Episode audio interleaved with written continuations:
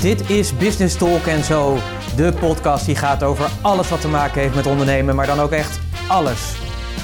Hier krijg je naast inspiratie en motivatie ook de strategieën en de complete actieplannen die ervoor zorgen dat jij de next level in jouw ondernemerschap bereikt. En je gast hier voor vandaag is Pieter Hensen. Een bijzonder goede dag. Dit is aflevering nummer 117 en die gaat over 8 jaar Puurst. We bestaan dus met ons bedrijf 8 jaar en daarom heb ik 8 afleveringen gemaakt met 8 belangrijke ondernemerslessen per aflevering die ik dus in die afgelopen 8 jaar heb geleerd. Kortom, 8 keer 8 is 64 ondernemerslessen die ik graag met jou deel in de komende 8 afleveringen. In dit geval deel 2. Welkom en leuk dat je weer luistert naar Business Talk, de podcast die gaat over ondernemen en alles wat met dat mooie ondernemen te maken heeft. Mijn naam is Pieter Hensen, ik ben ondernemer, investeerder en trotse mede-eigenaar van het mooie bedrijf Puurst, wat dus nu acht jaar bestaat zoals je net hebt gehoord. Ik hoop natuurlijk weer dat het heel goed met je gaat. Dat hoop ik natuurlijk elke week voor je. Dat je weer terugkijkt op een hele mooie week waar je goede zaken hebt gedaan, waar je mooie ja, stappen hebt gezet, doelen hebt gerealiseerd. Misschien heb je wel een paar mooie nieuwe klanten mogen verwelkomen of heb je een mooie productie gedraaid. Kortom, ik hoop dat het gewoon fantastisch met je gaat en dat je meegroeit in de economische groei waar we met elkaar in zitten. Uh, voor mij was het ook een bijzondere week, want ik heb deze week de sleutels gekregen van mijn nieuwe huis. Dus de komende tijd heb ik veel dingen te doen en te regelen. En daar heb ik natuurlijk heel veel zin in, in want het is natuurlijk altijd weer een bijzondere stap als je weer een nieuwe plek krijgt waar je gaat wonen. En natuurlijk zal ik dingen zelf doen en ik zal natuurlijk ook dingen uitbesteden. Want dat heb ik natuurlijk inmiddels ook wel weer geleerd in die acht jaar van mijn ondernemerschap. Om natuurlijk niet alles zelf te doen, maar vooral die dingen te doen die, waar je heel erg goed in bent of die je heel erg leuk vindt om te doen. En sommige dingen die je niet goed in bent of die je, die je absoluut niet leuk vindt, doe die dan vooral niet. Want er zijn gewoon mensen, en dat kun je bijna niet voorstellen, die die dingen wel heel erg leuk vinden. Uh, bijvoorbeeld in mijn geval laminaat leggen. Ik kan het niet, ik snap het niet, ik weet niet hoe het werkt. Althans, ik zou het wel kunnen waarschijnlijk als ik er veel tijd en energie in stop. En zij komen nu gewoon het hele huis in één dag leggen. Dat zijn gewoon professionals die dat gewoon dagelijks doen. En dat vind ik dus heel erg mooi. Wat ik net al zei, we bestaan dus uh, acht jaar. En ik vind ook gewoon elk jaar van je ondernemerschap moet je gewoon vieren. Want het betekent gewoon dat je weer één jaar verder bent in je ondernemerschap. En dat is gewoon een succes op zich al. Dus dat doen we dus ook. En dat doen we onder andere door deze acht afleveringen te maken. Waarin ik graag dus ja, per aflevering acht ondernemerslessen met je deel ja, die ik heb geleerd en die volgens mij heel erg waardevol voor jou zijn, ook als ondernemer in je ondernemerschap. En mijn doel natuurlijk daarbij is, is dat je daarvan kan leren, dat je het kan modelleren, het kan toepassen, het je eigen kan maken en daarmee natuurlijk ook tijd gaat besparen. Omdat er natuurlijk ook in die lessen natuurlijk een aantal ja, fantastische blunders zitten of mooie, fantastische fouten waar ik veel van heb geleerd. En die gun ik jou natuurlijk niet. Althans, ik gun iedereen zijn eigen proces erin. Maar het zou natuurlijk mooi zijn als je ook mede van mijn ondernemerschap kan leren, zodat jij ook weer verder komt en een paar stappen kan overslaan die ik misschien wel gelopen heb, maar die jij dus niet meer hoeft te lopen, omdat je nu die kennis hebt die ik toen nog niet had, maar jij nu dus wel, omdat ik die met je ga delen. Vandaag is dus deel 2 van de reeks van 8. Mocht je, de eerste, mocht je het eerste gedeelte nog niet geluisterd hebben of nog niet gehoord hebben, geen probleem natuurlijk. Die kun je terugvinden en daarvoor moet je even gaan naar puurst.nl slash podcast 103 puurs.nl slash podcast 103. Daar hoor je de eerste acht lessen. En vandaag ga ik natuurlijk met jou aan de slag met de tweede acht lessen die ik graag met je deel. En natuurlijk heb ik bij deze podcast ook weer de podcastnotities gemaakt. Dus je krijgt dan daarin een samenvatting van deze acht lessen. En dat kun je doen door naar puurs.nl slash podcast 117 te gaan puurs.nl slash podcast 117. En daar kun je de podcastnotities downloaden en dan heb je dat mooie naslagwerk tot je beschikking. Daar wens ik je natuurlijk al heel veel plezier mee. We gaan lekker aan de slag. Ik zou zeggen, pak er even pen en papier bij. Pak iets te drinken, want we gaan lekker aan het werk. Ik ga je meenemen in de volgende acht ondernemerslessen die ik in de afgelopen acht jaar heb geleerd. En daarom gaan we natuurlijk nu ook verder met les nummer 9, omdat we in deel 2 zitten. En les nummer 9 is, heb een B-hack. En dan zul je misschien zeggen, wat zeg je nou? Ja, heb een B-hack. Een B-hack is een big, hairy, audacious goal. Althans, zo zeggen we het in het Amerikaans-Engels. Maar in het Nederlands zou je kunnen zeggen: het is een groot, harig monster van een doel. En ik heb het vaker gezegd: zorg ervoor dat je een B-hack hebt. En een B-hack is dat grote, gewaagde doel. Dat doel wat bijna onmogelijk is. Jouw Mount Everest die je moet gaan beklimmen, of die je voor jezelf hebt gezet om te gaan beklimmen. Dus bedenk eens: wat is dat grote doel voor jou met jouw bedrijf? En het mooie van een B-hack is, is dat een B-hack geeft heel veel focus en brengt ook heel veel energie en spanning met zich mee, waardoor mensen in beweging gaan komen. Waardoor jij dus ook in, als ondernemer met je team in beweging gaat komen. En dat is heel erg eh, fijn van zo'n B-hack. Ehm, er zijn natuurlijk heel veel mooie voorbeelden van de B-hacks. De een van de bekendste is die van John F. Kennedy. Die gaf in 1962 aan in een hele mooie speech die je op YouTube nog heel goed kan terugvinden. Hij zei toen: Voor het einde van het decennium gaan we zorgen dat er een man op de maan komt. En niet alleen op de maan dat hij daar komt, maar dat we hem natuurlijk ook weer veilig terugbrengen hier op aarde. En je moet natuurlijk bedenken, dat is natuurlijk een onwijs groot doel. Zeker in de fase waar men toe zat in de jaren 60. Nu zou je natuurlijk zeggen, ja, we doen niet anders. We zijn zelfs bezig met ja, private reis maar naar, de, naar de maan. Hele grote ondernemers zoals Richard Branson en Elon Musk. Die zijn ermee bezig om met hun space reizen dat voor elkaar te krijgen. We zitten natuurlijk nog in de pioniersfase daarin. Maar dat gaat natuurlijk binnen nu en een misschien dit decennium ook wel komen dat wij daar gewoon ook naartoe kunnen. Heel erg gaaf natuurlijk. Maar het mooie van die B-hack was dat er gewoon toen nou ja, nog heel veel technieken die ervoor nodig waren om te zorgen dat er überhaupt iets naar de maan geschoten kon worden of gestuurd kon worden, er nog niet was. En hij voorspelde dat en hij heeft daarmee de B-hack de lat gelegd. En de focus was heel erg helder. Wij gaan dus naar die maan. Er is maar één maan, dat is natuurlijk heel erg helder. Uh, we hebben een mens, we weten wat een mens is, dat is ook heel erg helder. We gaan die naar die maan brengen, maar we gaan hem ook weer terugbrengen. En dat is heel erg tof. Een ander mooi voorbeeld vind ik ook altijd van een bekende B-hack. Dat is die van Volvo. De autobouwer die heeft gezegd: wij willen in 2020 geen dodelijke ongevallen meer waar een Volvo bij betrokken is. Ja, dat is natuurlijk ook een fantastische b-hack. Niet alleen als ze het kunnen realiseren is dat natuurlijk al fantastisch, maar je voelt natuurlijk wel aan, dat geeft natuurlijk heel veel energie voor al die engineers die moeten gaan nadenken over allerlei systemen, technieken en mogelijkheden om te zorgen dat dat niet meer gaat gebeuren. En dat mensen, je kunt je voorstellen dat mensen daar enthousiast van raken en een beetje exciting, maar dat ook wel spannend vinden, omdat het ook een heel avontuur is. Nou, ik hoop een beetje dat je de energieproef die ik daarin wil leggen, ik vergelijk het ook wel eens een beetje met verliefd zijn. Misschien kun je dat nog herinneren of misschien ben je dat wel. Ik hoop het heel erg voor je. Maar niet meer zo, misschien zo als je in het begin bent dat je helemaal daar misselijk van wordt of niet. Maar wat ik er eigenlijk mee bedoel is als je verliefd bent, ja, dan ben je natuurlijk helemaal in een soort, hey, die vlinders, maar je voelt je heel erg blij en, en, en vrolijk. En je wil niet anders dan bij die persoon zijn. Maar aan de andere kant is het natuurlijk ook wel weer spannend, want je gaat een nieuw mens leren kennen. De persoon gaat jou leren kennen. In het begin probeer je nog een beetje je, van je goede kant te laten zien, maar op een gegeven moment kan dat niet meer. Moet je natuurlijk ook je eerste scheet laten. En ja, dat soort dingen, die excitement, als je dat voelt, dan heb je een goede B-hack te pakken. En een B-hack is wat het dus ook al zegt. Hij is dus vaak groter dan jezelf. Hij geeft je enorme focus, want het is heel helder wat je wil bereiken. En wat het fijne ook is, er zit een datum aan of een tijdslimiet zit eraan. Net zoals John F. Kennedy zei voor 1970, Volvo met zijn 2020. En natuurlijk hebben wij puur zelf ook een B-hack. Dus wij hebben gezegd dat we in 2025 en dat is nog zeven jaar te gaan van nu, of althans, ja, zeven jaar te gaan van nu, of we zitten nu in dat zevende jaar waar we daar naartoe gaan werken, is dat we een actieve community willen hebben van 100.000 ondernemers die daar actief in zijn. En natuurlijk moet je dan dat natuurlijk wel concretiseren, want 100.000 ondernemers in een actieve community, wat is dat dan? Dus daar hebben we een hele beschrijving van gemaakt, wat wij een actieve community lid vinden en hoe we die 100.000 gaan realiseren. En je merkt al, kijk, we zijn natuurlijk begonnen met uh, eerst 1000. Toen hebben we gezegd, nee, dat is te makkelijk. We gaan naar 10.000. Dat voelde al heel erg spannend. Maar toen hebben we ook gezegd, ja, kom op. Weet je, dit moet een b-hack worden. We moeten onszelf leren uitdagen. Want je kunt je voorstellen, of je 10.000 ondernemers erin wil hebben of 100.000 ondernemers. Het is een factor 10. En dat vraagt natuurlijk ook om een hele andere approach, op een hele andere aanvliegroute.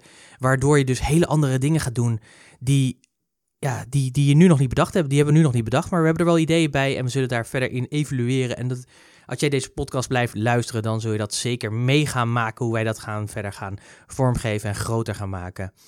Dus dat is heel erg tof. Nou, wat ik heel erg fijn vind, wat ik net al zei, het is die focus, die brengt het met je mee. Want alles wat je doet, draagt dus bij aan die B-hack. En als dat niet het geval is, dan kun je er ook gewoon weer lekker mee stoppen. Les nummer 10, die gaat over dat jij moet jezelf op de eerste plek zetten dat is eigenlijk net zoals in de vliegtuig, waar men op het moment dat men eh, safety instructions doet, dat men ook zegt van op het moment dat dit zuurstofmasker naar beneden komt, zorg eerst dat je jezelf helpt en daarna pas de mensen om je heen.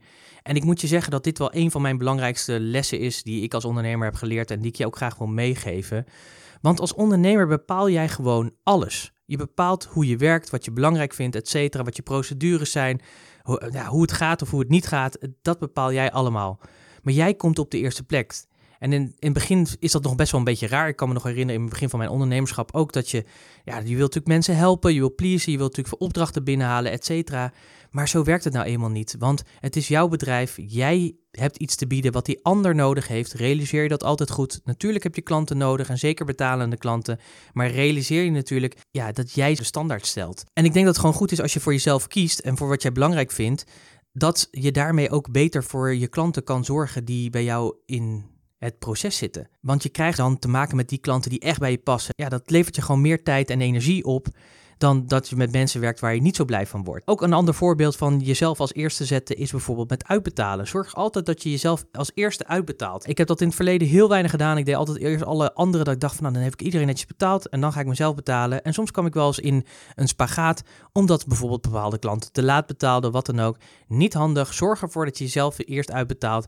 Jij moet in ieder geval niet die geldzorgen hebben en zorg er ook voor dat mensen je netjes op tijd betalen. Zo niet, zorg ervoor dan dat je processen zo worden ingericht dat dat wel gaat gebeuren. Want je wil gewoon niet die stress hebben dat je moet gaan zorgen maken over geld. En dat hoeft namelijk ook niet als je dat goed nadenkt. Um, ander ding is natuurlijk bereikbaarheid, altijd bereikbaar kunnen zijn. Nou, ik ga zo in les 14 ga ik daar wat over zeggen. En ook over het stellen van grenzen, nog wat dieper dan nu want als je jezelf op de eerste plaats zet, dan betekent dat je ook grenzen moet stellen. Daar kom ik zo dadelijk in les 12 nog eventjes op terug. Maar zorg er dus voor dat jij jezelf op de eerste plaats bent, zet. Wees daarin dus ook echt egoïstisch. Durf daarin ook jezelf gewoon ja, niet onderdanig te zijn, maar echt je, vanuit je eigen egoïsme, en dat bedoel ik positief, op die eerste plek te zetten. Want alleen dan kan jij ervoor zorgen dat je blijft, bedrijf blijft groeien en dat je er echt voor je klanten kan zijn. Les nummer 11. Alles wat je doet draagt bij aan een doel. En dat klinkt misschien heel erg logisch, maar ik vind het verbazingwekkend dat voor heel veel ondernemers dat nog niet het geval is. Ehm, en ook niet voor ondernemers die ook echt al best wel een aantal jaar onderweg zijn. Je kan natuurlijk zeggen, ja Pieter, weet je, die beginnende ondernemers, weet je, die zijn gewoon lekker bezig.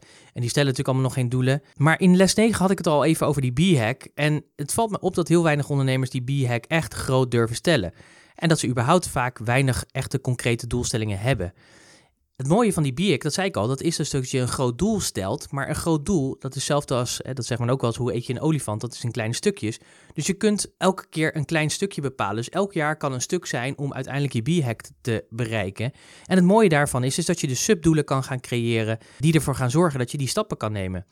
Doe je dat dus niet, dan ga je dus echt alle kanten op. En dan kom je dus ook niet waar je wil komen. En dat moet je natuurlijk ten alle tijden zien te uh, voorkomen. Ik denk dat dat gewoon heel belangrijk is dat je die doelstelling stelt. Want je bent ondernemer, je onderneemt niet voor niets. Je hebt namelijk een bepaalde missie die je wilt verwezenlijken.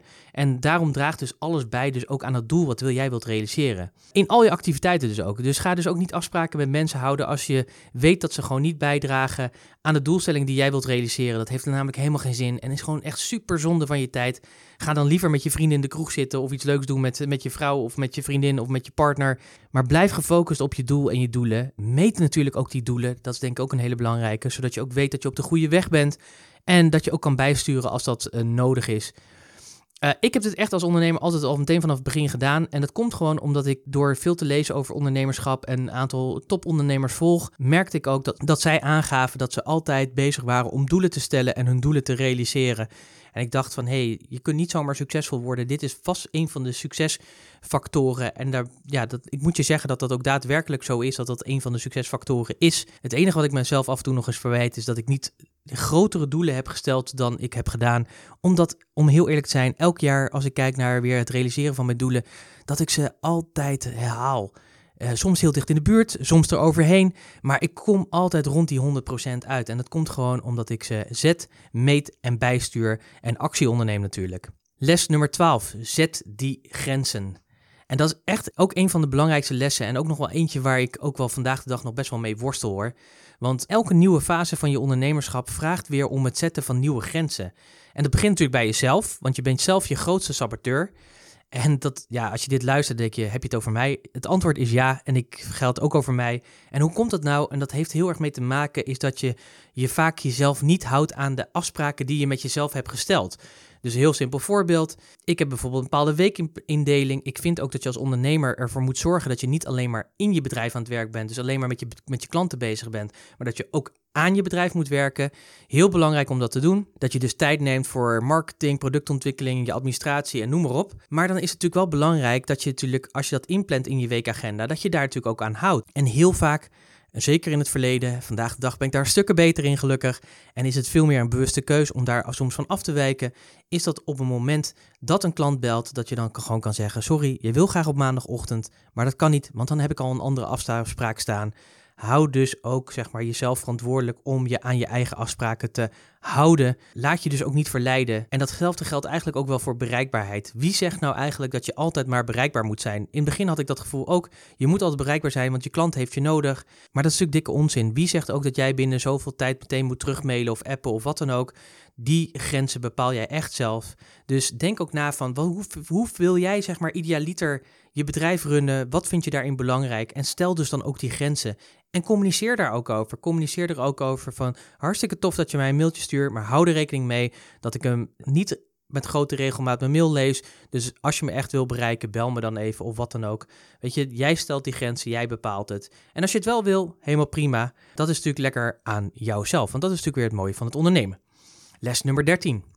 Niet iedereen mag klant worden. Wat zeg je nou, zou je misschien zeggen? Dat klopt, niet iedereen mag klant worden.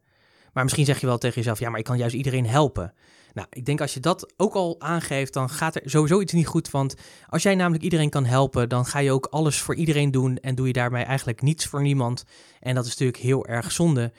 En ik denk dat het belangrijk is dat je nadenkt over met wie jij het beste kan, of wie jij het beste kan helpen en wie het beste bij jou past. Wie is nou echt die ideale klant? Die klant waar jij 100% energie van krijgt en die jij ook 150% energie kan teruggeven.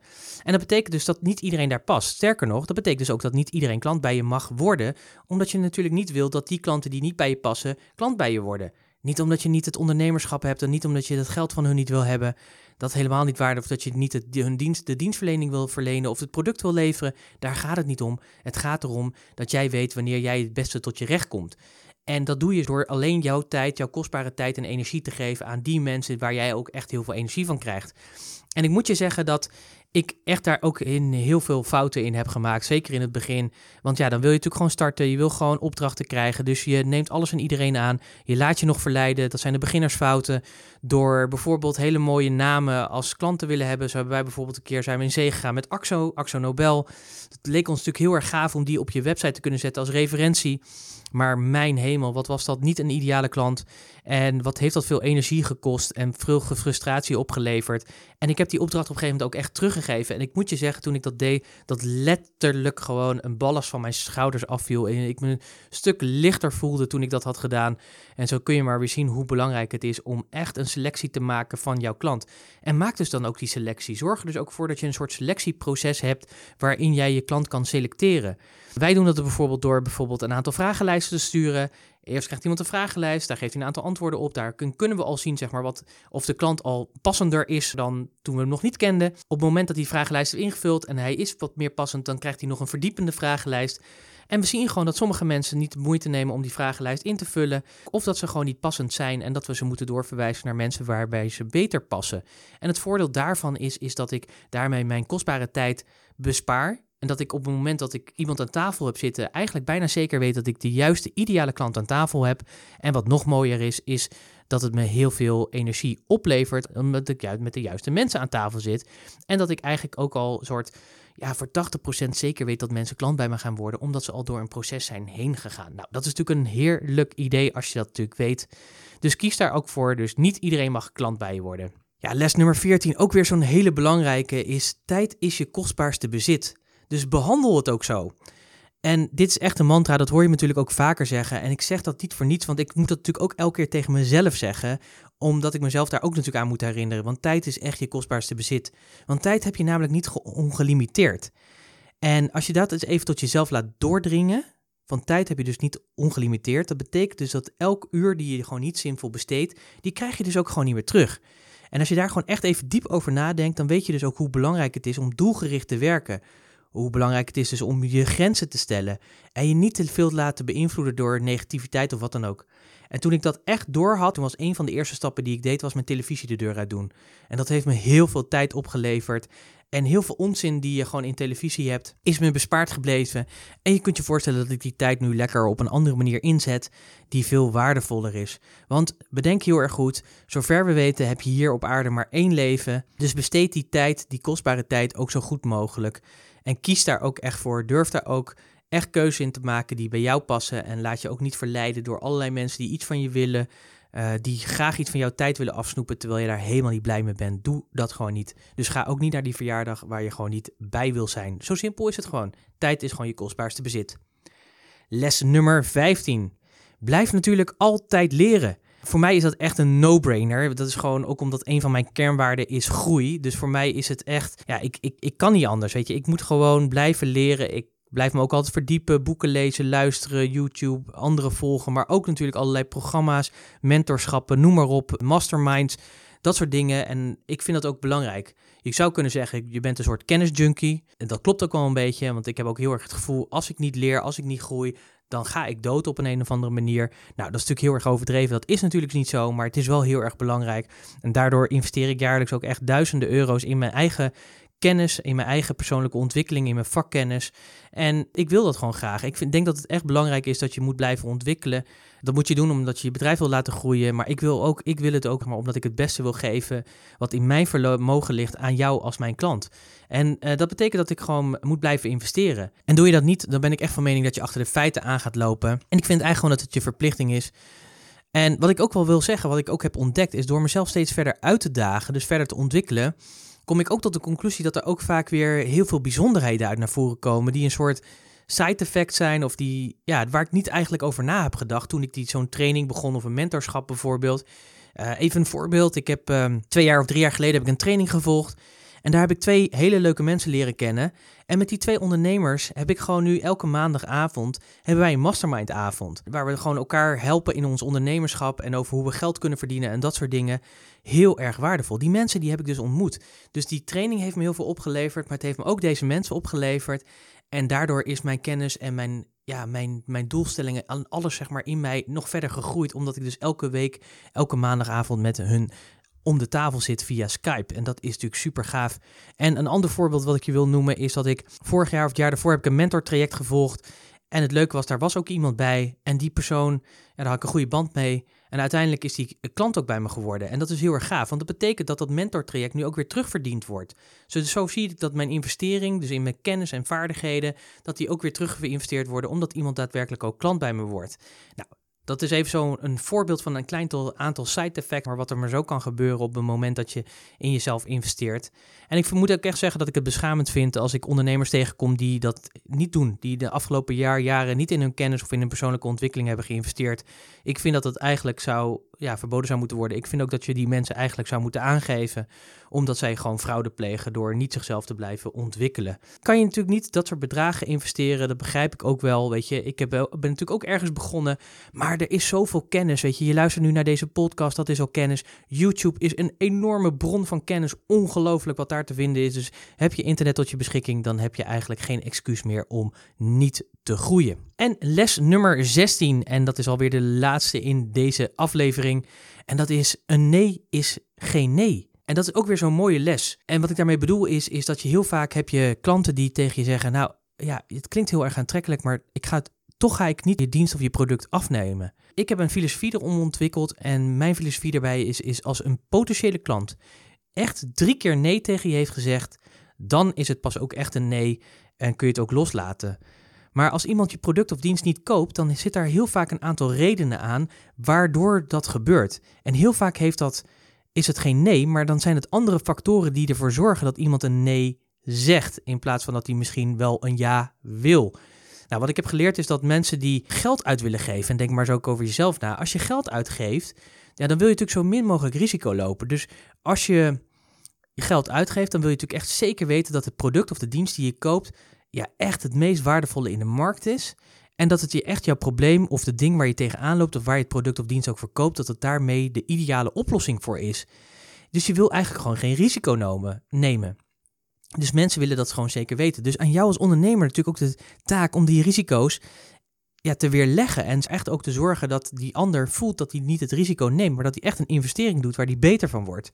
En heel vaak is het daarin onduidelijk voor de uh, potentiële koper. Dat het te onduidelijk is, waardoor die zegt van nee, ik doe het toch maar niet. Dus probeer daar ook eens op door te vragen. Heel veel, ikzelf, maar ook heel veel van mijn klanten die ik dat heb geleerd, die doen dat nu en die ontdekken eigenlijk dat ze vaak soms niet te duidelijk zijn geweest over wat ze precies te bieden hadden. En toen die duidelijkheid wel gecreëerd werd, dat, ja, dat men gewoon alsnog ja zei. Dus je ziet maar, nee hoeft niet altijd nee te zijn. En wat ik denk ook belangrijk is, het komt natuurlijk voor dat iemand zegt nee, want ik kan het niet betalen. Dat zou natuurlijk best wel kunnen.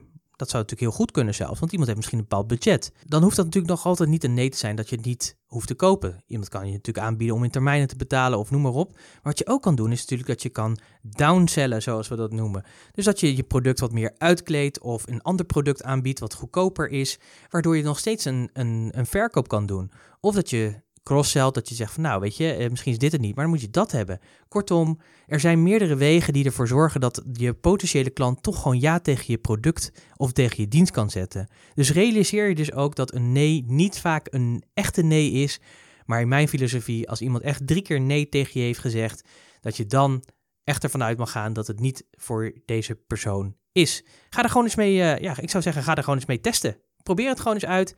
Vraag eens door waarom een nee niet echt een nee is. En ontdek dat door jij waarschijnlijk te onduidelijk bent geweest of niet helder, dat je toch zomaar weer die verkoop kan binnenhalen. Nou, hoe lekker is dat natuurlijk? Zo zie je maar weer, in een korte tijd hebben we toch weer acht waardevolle lessen met je doorgenomen. Ik zal ze nog even kort samenvatten. Het begon natuurlijk met les nummer 9. Heb een B-hack. Zorg ervoor dus dat je dat hele grote gewaagde doel hebt. En ik zou zeggen, als je dat doel al hebt gesteld, kijk er dan eens naar en bedenk eens, als ik hem een keer een factor 10 zou doen, wat zou er dan gebeuren? Les nummer 10 die ging over dat jij jezelf als eerste moet neerzetten. Dus zorg dus als eerste goed voor jezelf. Net zoals in een vliegtuig, men zegt, zorg eerst dat je de zuurstofmasker bij jezelf omdoet voordat je anderen kan helpen. Want als je alleen goed voor jezelf zorgt, dan kun je ook heel goed pas voor je anderen zorgen, dus voor je klanten zorgen. Dus doe dat ook en zet daar ook in gewoon de standaard. En wees daarin ook positief egoïstisch. Dat vinden we vaak lastig als mens. Les nummer 11. Alles wat je doet draagt bij aan een doel. We hadden het al natuurlijk in les nummer 9 over de B-hack, maar zorg er dus ook voor dat alle activiteiten die je doet, dat die dus ook bijdragen aan je B-hack. En dat die ook bijdragen aan de doelen die jij wil eh, leveren met jouw bedrijf. En laat je daar dus ook niet voor afleiden. Les nummer 12 die ging over zet grenzen. Zorg ervoor dat je heel veel of dat je ja, juiste grenzen om je heen stelt. Dat jij bepaalt hoe het gaat. En houd je daar zelf ook aan, want je bent vaak zelf je grootste saboteur. Dus zet jezelf ook een schop onder je kont en zorg ervoor dat jij ook die saboteur eruit zet en dat jij je er gewoon aan houdt. Want alleen dan zorg je ervoor dat je ook gericht je doelen gaat halen en daar komt waar je wil komen. Niet iedereen mag klant worden, was les nummer 13. En dat is natuurlijk ook heel erg belangrijk. Zorg ervoor dat je juist die ideale klant aantrekt. En dat je zo je, je wervingsproces van je klant zo inricht dat je ervoor zorgt dat jouw ideale klant eigenlijk ook altijd maar aan tafel zit. Zodat je hem of haar het beste ook kan helpen. En dat die ook het beste gekwalificeerd is. Zodat je niet heel veel onzin gesprekken hoeft te voeren met allerlei mensen die toch nooit klant bij je gaan worden. Omdat ze gewoon simpelweg niet bij je passen. Daarover gesproken, les nummer 14 ging over dat tijd je kostbaarste bezit is. Uh, het is heel erg helder. Tijd is een schaarste goed. Het is niet ongelimiteerd. Ja, de tijd zelf wel, maar niet voor jou als persoon. Dus zorg er ook voor dat je er goed mee omgaat. En kies echt voor die dingen die jij heel erg belangrijk vindt. Het is gewoon jammer als je je kostbare tijd gewoon laat verslinden. Want je krijgt het gewoon niet meer terug. Les nummer 15 was: blijf altijd leren. Natuurlijk een no-brainer. Zorg ervoor dat je blijft investeren in je eigen ontwikkeling, in je persoonlijke ontwikkeling, maar ook in je vakkennis en natuurlijk in je ondernemerschap. Nou, dat doe je natuurlijk al door deze podcast te luisteren. Dus daarvoor al heel veel hulde. En tot slot les nummer 16: een nee is geen nee. Mijn filosofie is pas als iemand echt drie keer nee tegen je heeft gezegd dat hij je product niet wil, dan is het zover. Maar daartussenin zitten nog allemaal stappen die je kan zetten. Vaak heeft het te maken met onduidelijkheid of het risico wat ze moeten nemen en niet voldoende weg is genomen door te investeren in jouw product of dienst. Dus zorg ervoor dat je dat ook wegneemt bij ze, zodat ze alsnog ja tegen je kunnen zeggen. Ik denk dat het weer acht hele mooie lessen voor je waren. Ik wil je natuurlijk alweer heel erg bedanken dat je hebt geluisterd. Ik ben heel erg benieuwd welke les jou het meeste aansprak en waar je ook denkt van ja, daar heb ik een tof inzicht over. Of gaaf dat ik dat nu hoor, want dan kan ik daar andere dingen mee doen. Laat me dat weten. Het mooie is, is dat de podcast op verschillende social media kanalen verschijnt. Dus daar kun je natuurlijk reageren. En we hebben een aantal kanalen waar de podcast verschijnt of waar je hem kan luisteren. Waar je hem waarschijnlijk nu ook luistert.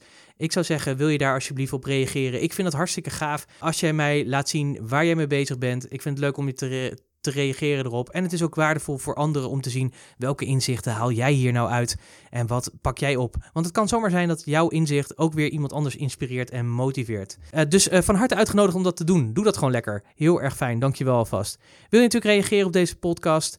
Dan kan dat ook persoonlijk. Dat kun je doen door even een mailtje te sturen naar pieter.puurs.nl.